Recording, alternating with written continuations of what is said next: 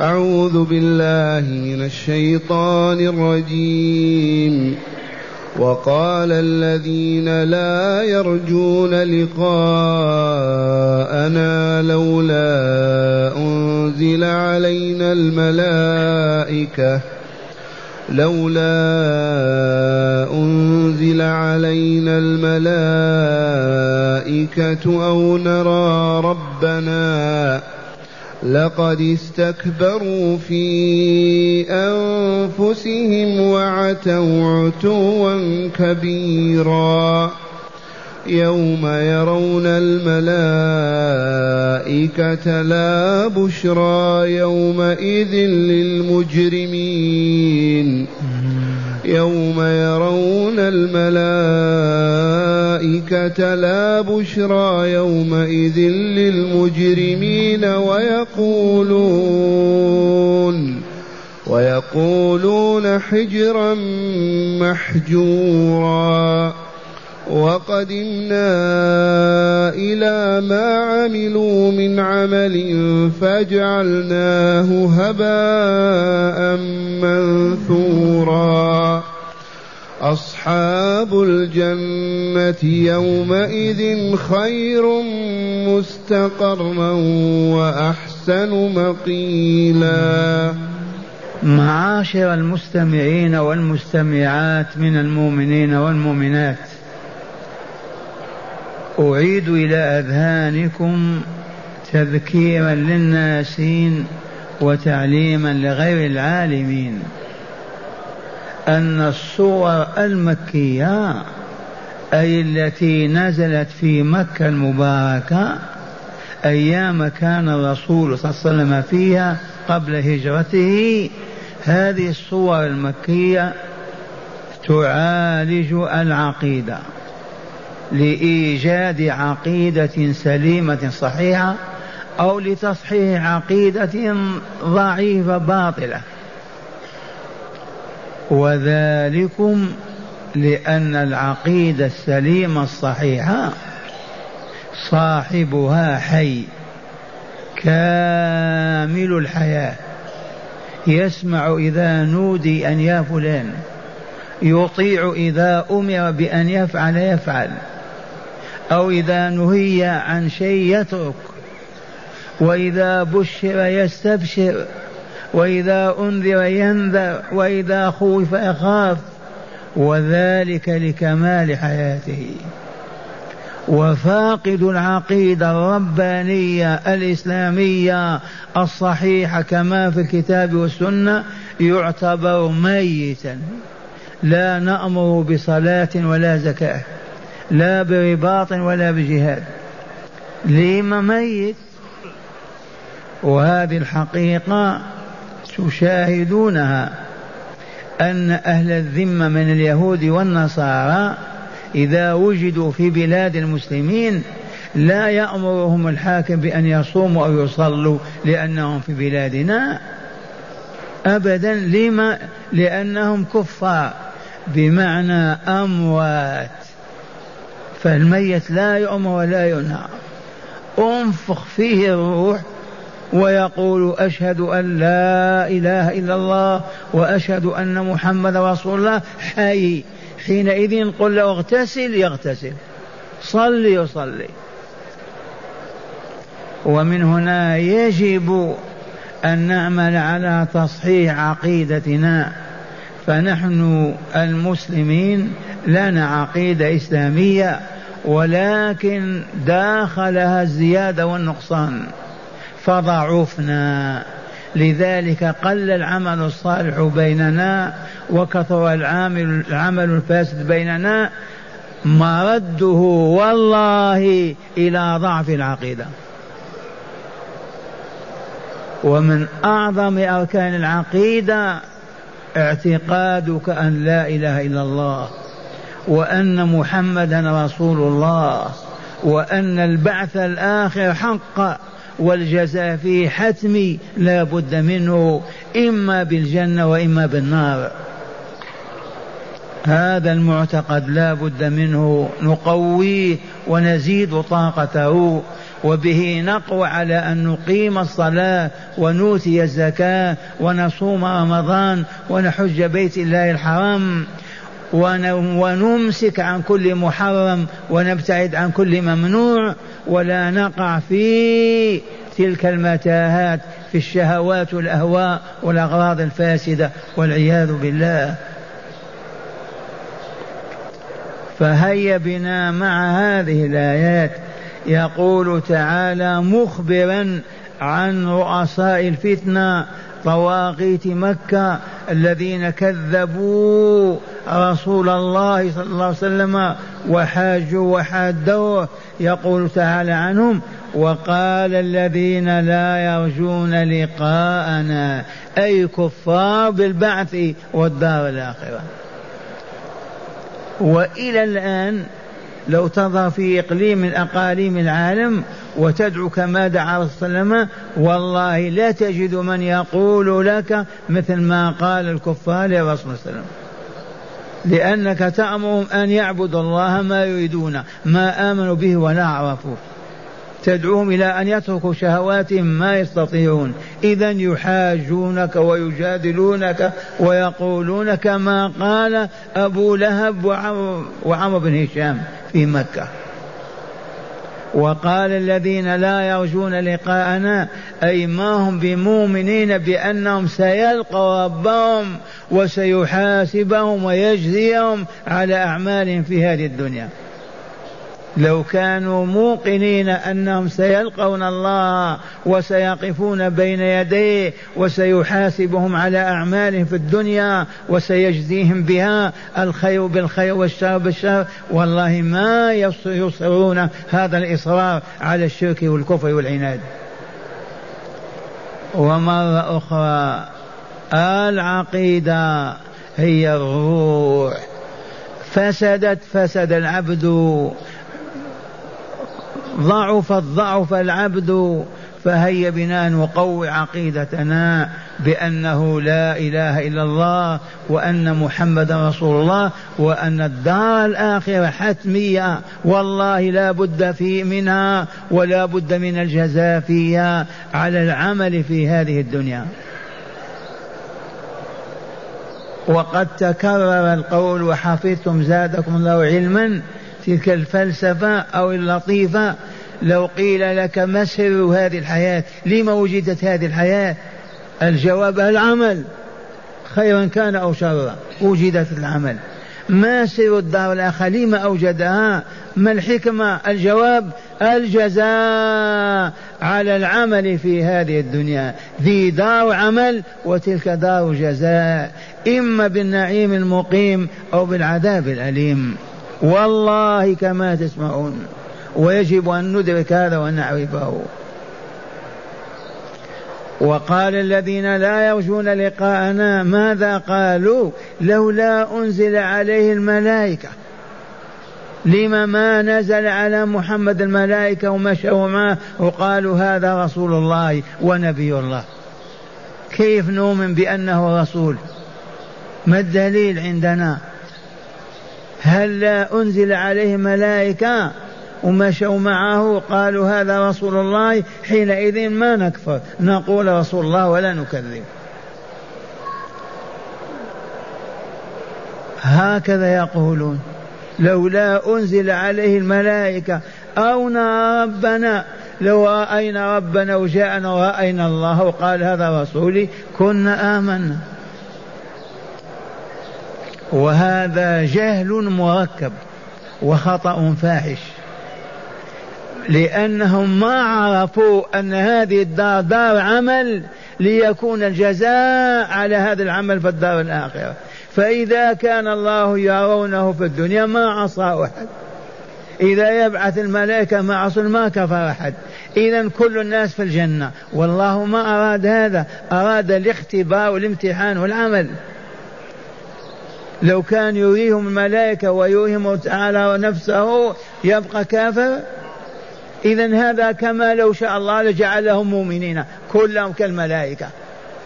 ولكن الحكمة ما تقتضي هذا أبدا.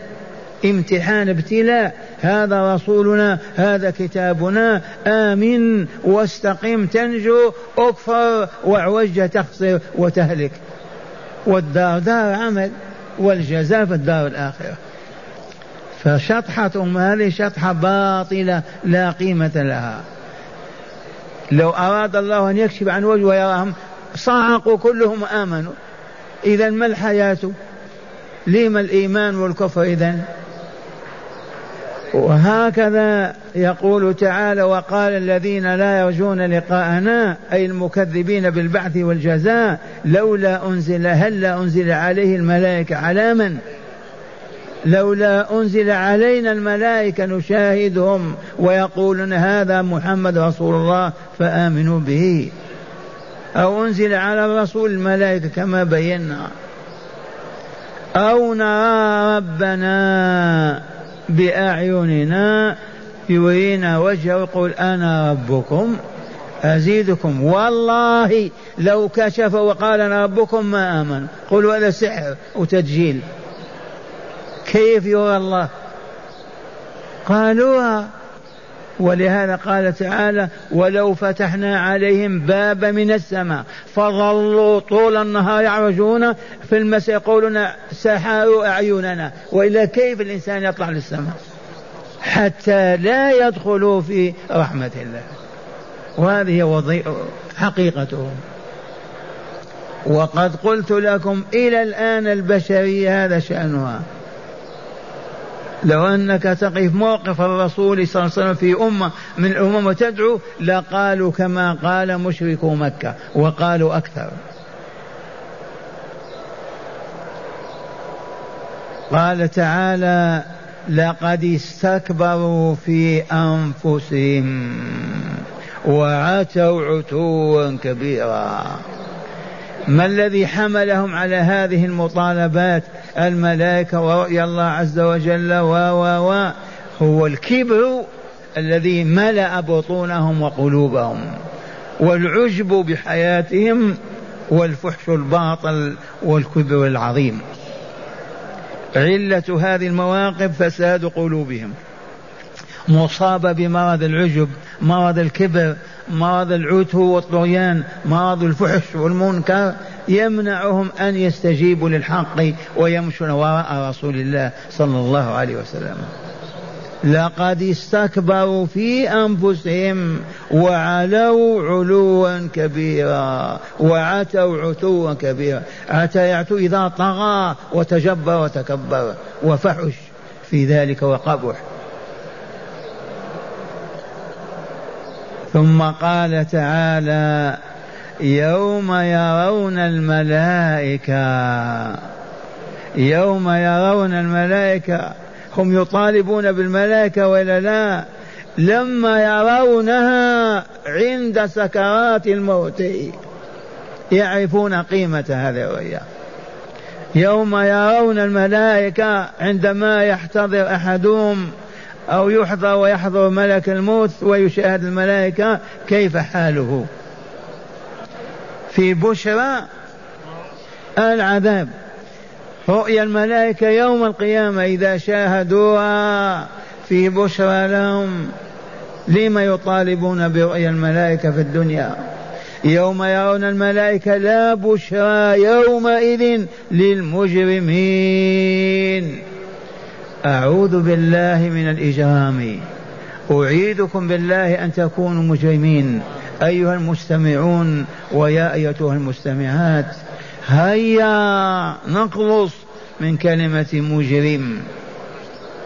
لا نرضاها ولا نوسم بها ولا نعرف الطريق إليها ونبتعد من ساحتها لأن الإجرام هو أن تصب على نفسك أطمان الذنوب والآثام فتفسد. فمتى خبثت الروح وأنتنت وتعفنت وتدست صاحبها مصيره الخسران الأبدي.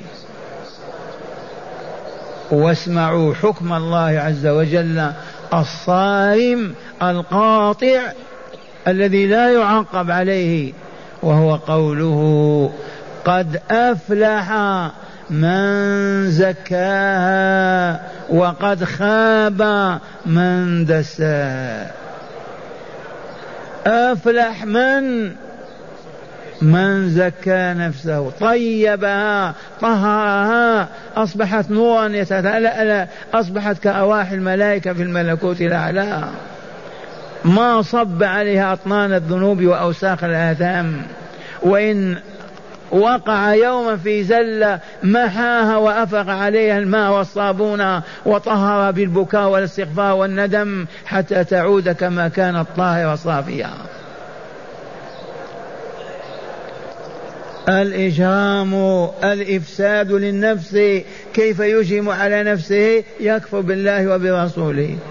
يسب المؤمنين والصالحين يأكل أموال الناس بالباطل يزني ويلوط ويفجر يكذب ويا حتى تصبح نفسه مظلمة منتنة عافنة من الذي أجرم عليها؟ هو.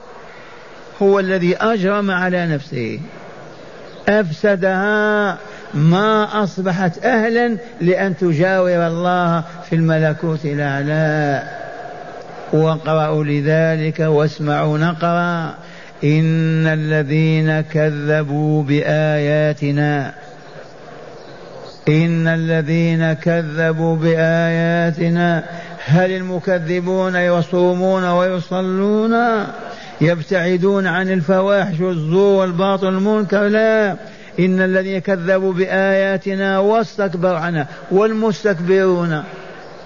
والمستكبرون يعبدون الله يقيمون الصلاة يتحرون ما أحل الله يبتعدون عما حرم الله يكفون ألسنتهم عن أذى الناس. الجواب لا لأنهم كفار مستكبرون. ما هؤلاء؟ يقول تعالى لا تفتح لهم أبواب السماء ولا يدخلون الجنة حتى يلج الجمل في سم الخياط وكذلك نجزي المجرمين. لهم من جهنم مهاد ومن فوقهم غواش وكذلك نجزي الظالمين. أربعة أصناف الكافرون المستكبرون المجرمون الظالمون. وسر هذا كما علمتم عباد الله أن نفسك إذا قلت الكلمة السوء يوضع عليها نكتة سوداء.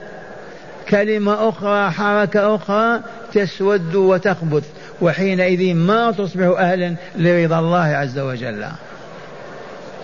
فلهذا يجب علينا أن نتوب إلى الله من ذنوبنا. ومن وقع في يوم الأيام في ذنب من الذنوب يجب أن يتوب أن يغسل هذا الذنب ويمحوه بكلمة أستغفر الله وبدموعه السائلة. وإن كان حقا من حقوق الناس رده إليهم وطلب العفو منهم والحذوى حتى ينجو ويطيب ويطهر. هذا يقول قول الله تعالى ماذا يقول؟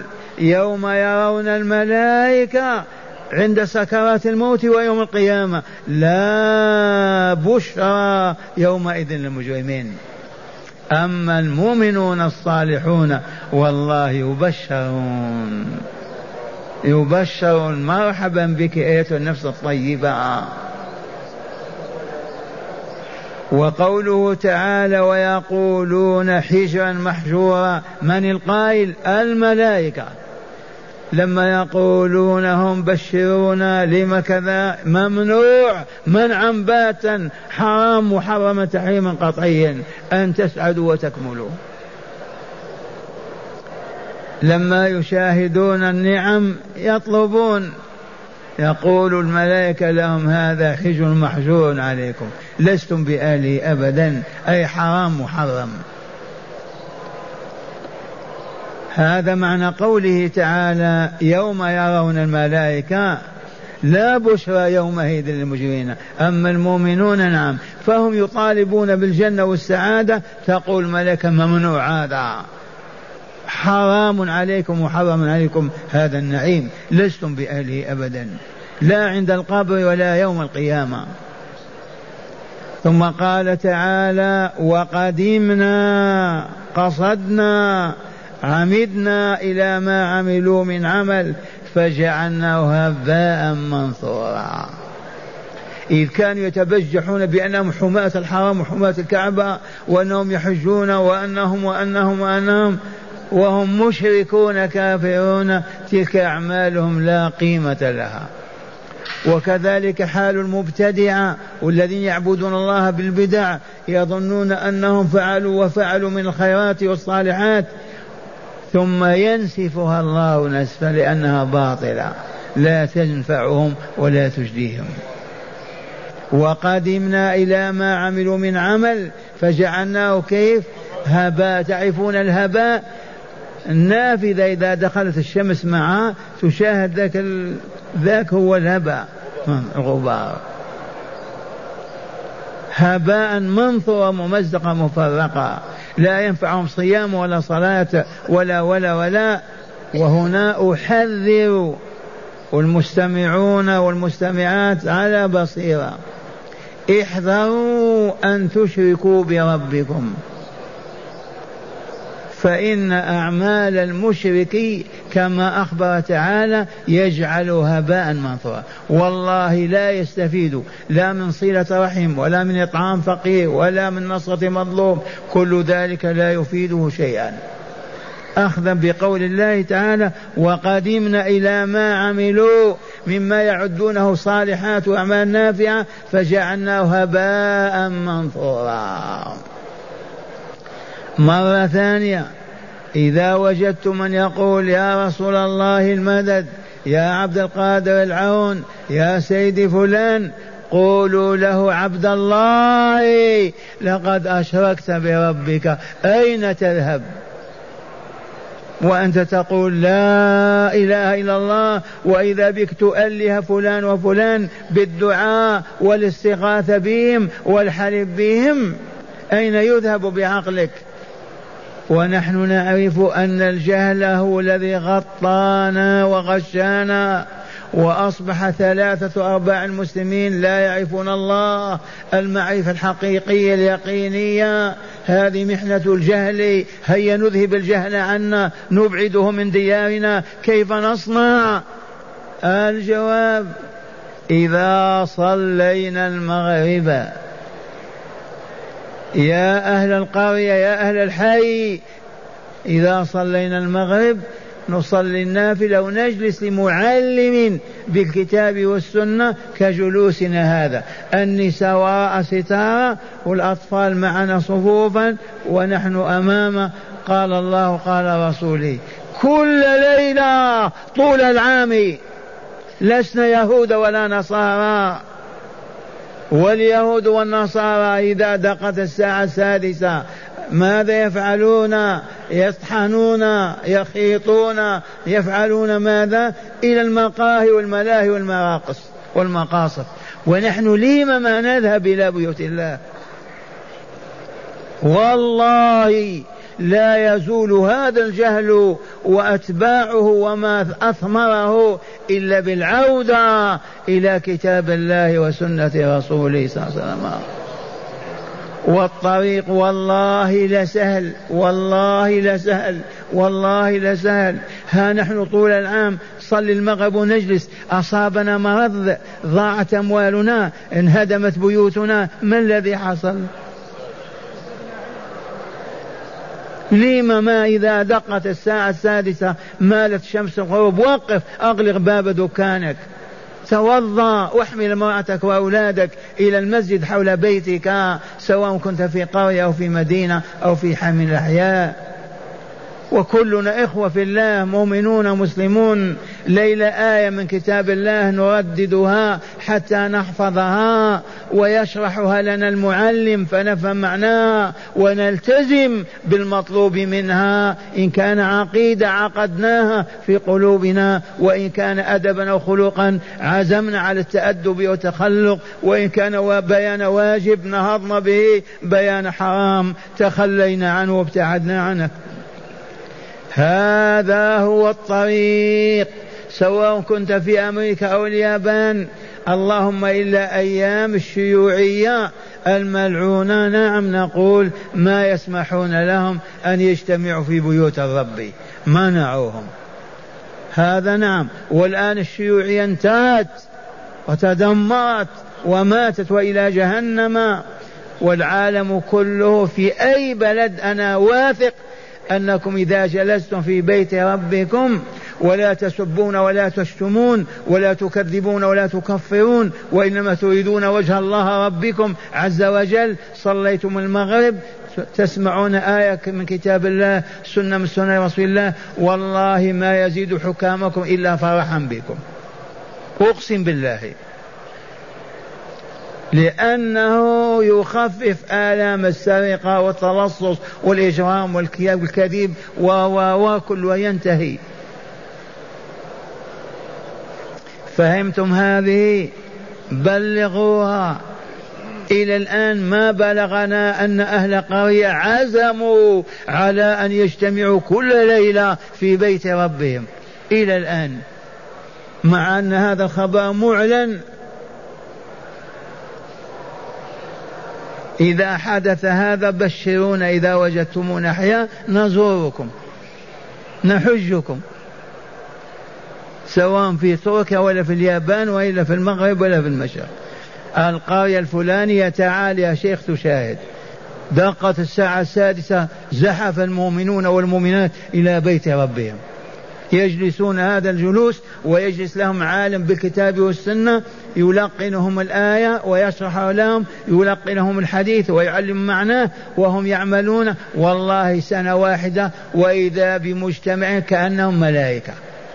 لا سرقة لا غي خيانة لا غش لا كذب لا خداع لا شرك لا باطل. والله العظيم. لأنها السنن لا تتخلف. الطعام يشبع وإلا لا الماء يروي وإلا لا النار تحرق وإلا لا الحديد يقطع وإلا لا لا نعم نعم سنة الله. العلم بالله عز وجل يزكي النفس ويطهرها ويحمل صاحبه على أن يعبد الله. سنة لا تتخلف. ومن كان في القرية مجرما أو كذا سوف يرحل يتركهم. ما دام ما أطاق أن يعبد الله يرحل. يقول أنا لست بمؤمن. ويقول تعالى وقدمنا إلى ما عملوا من عمل فجعلناه هباء منثورا وأخيرا. أصحاب الجنة يومئذ خير مستقرا وأحسن مقيلا. أصحاب الجنة أهل الجنة هم أهل الإيمان والعمل الصالح بالدنيا يومئذ أي يوم القيامة خير مستقرا مكان استقرار. وكيف وهو دار السلام؟ وأحسن مقيلا ما ينتصف النهار إلا وهم في الجنة يقيلون في الجنة. اليوم مقداره خمسون ألف سنة. في يوم كان مقداره خمسين ألف سنة. أهل الإيمان وصالح الأعمال ما ينتصف النهار إلا وهم في قصورهم في دار السلام. اللهم اجعلنا منهم. من أصحاب الجنة؟ أصحاب الإيمان والعمل الصالح. هم الوارثون للجنة. تلك الجنة نورث من عبادنا. من؟ من كان تقيا ما قال من كان هاشميا أو عربيا أو عجميا من كان تقيا. لم اتقي هذا؟ لأنه اتقى ما يغضب الله ويسقطه. فعمل العمل الصالح فزكت نفسه وطابت وطهرت فأصبح أهلا للملكوت الأعلى. واقرأوا قول الله تعالى في هذا البيان الرسمي ومن يطع الله والرسول فأولئك مع الذين أنعم الله عليهم من النبيين والصديقين والشهداء والصالحين وحسن أولئك رفيقا. طاعة الله وطاعة الرسول ما الحكمة؟ تزكية النفس وتطهيرها. والآن مع هداية الآيات. وهل للآيات هداية؟ والله لا توجد آية إلا ولها هداية. تهدي إلى ماذا؟ إلى أن تشهد أن لا إله إلا الله وأن محمدا رسول الله وتعمل الصالحات وتجنب الطالحات من أجل أن تسعد في الدار الآخرة. هاتي. بسم الله والحمد لله. من هداية هذه الآيات أولا بيان ما كان عليه غلاة المشركين من قريش من كبر وعتو وطغيان. بيان ما كان عليه غلاة المشركين أصحاب العتو والطغيان من قريش من كبر وعتو وطغيان. بينته الآية ولا لا, لا, لا. نعم ثانيا. إثبات رؤية الملائكة عند قبض الروح ويوم القيامة. تقرير وإثبات رؤية الملائكة. والله العظيم لترونهم عند الموت ويوم القيامة. لكن ملائكة الرحمة غير ملائكة العذاب. موكب لا تعرف ألوانهم ولا أشكالهم ولا مفزعة مقلقة لأهل النار والاخباث أما الملائكة الذين نورهم كالشمس لأهل الإيمان وصالح الأعمال والشاهد عندنا لا بد وأن نرى الملائكة. أحببنا أم كرهنا؟ ثالثا نفي البشرى عن المجرمين وإثباتها للمؤمنين المتقين. أي نعم. دلت الآيات على أن البشرى لمن تكون؟ للمؤمنين المتقين وهي منفاة مبعدة عمن عن المجرمين والعياذ بالله تعالى. نعم. رابعا حبوط عمل المشركين وبطلانه حيث لا ينتفعون بشيء منه البتة. كما قلت لكم عمل المشرك لو بنى ألف مسجد لو اعتق مليون عبد لو لو لا ينفعه شيء أبدا ما دام مشركا بالله عز وجل. فلهذا نبهت إخواننا وعلمتهم إياكم أن تقعوا في الشرك بجهل. لا تحلف بغير الله لا تنادي غير الله لا تسجد لغير الله لا لا وتعلم معابد الله واعبدوا بها وجنبها غير الله. وأخيرا. خامسا وأخيرا انتهاء حساب المؤمنين قبل نصف يوم الحساب الذي مقداره خمسون انتهاء ألف سنة. حساب المؤمنين في نصف النهار قبل النصف وإذا هم قائلون في مقيلهم في قصورهم. وعروهم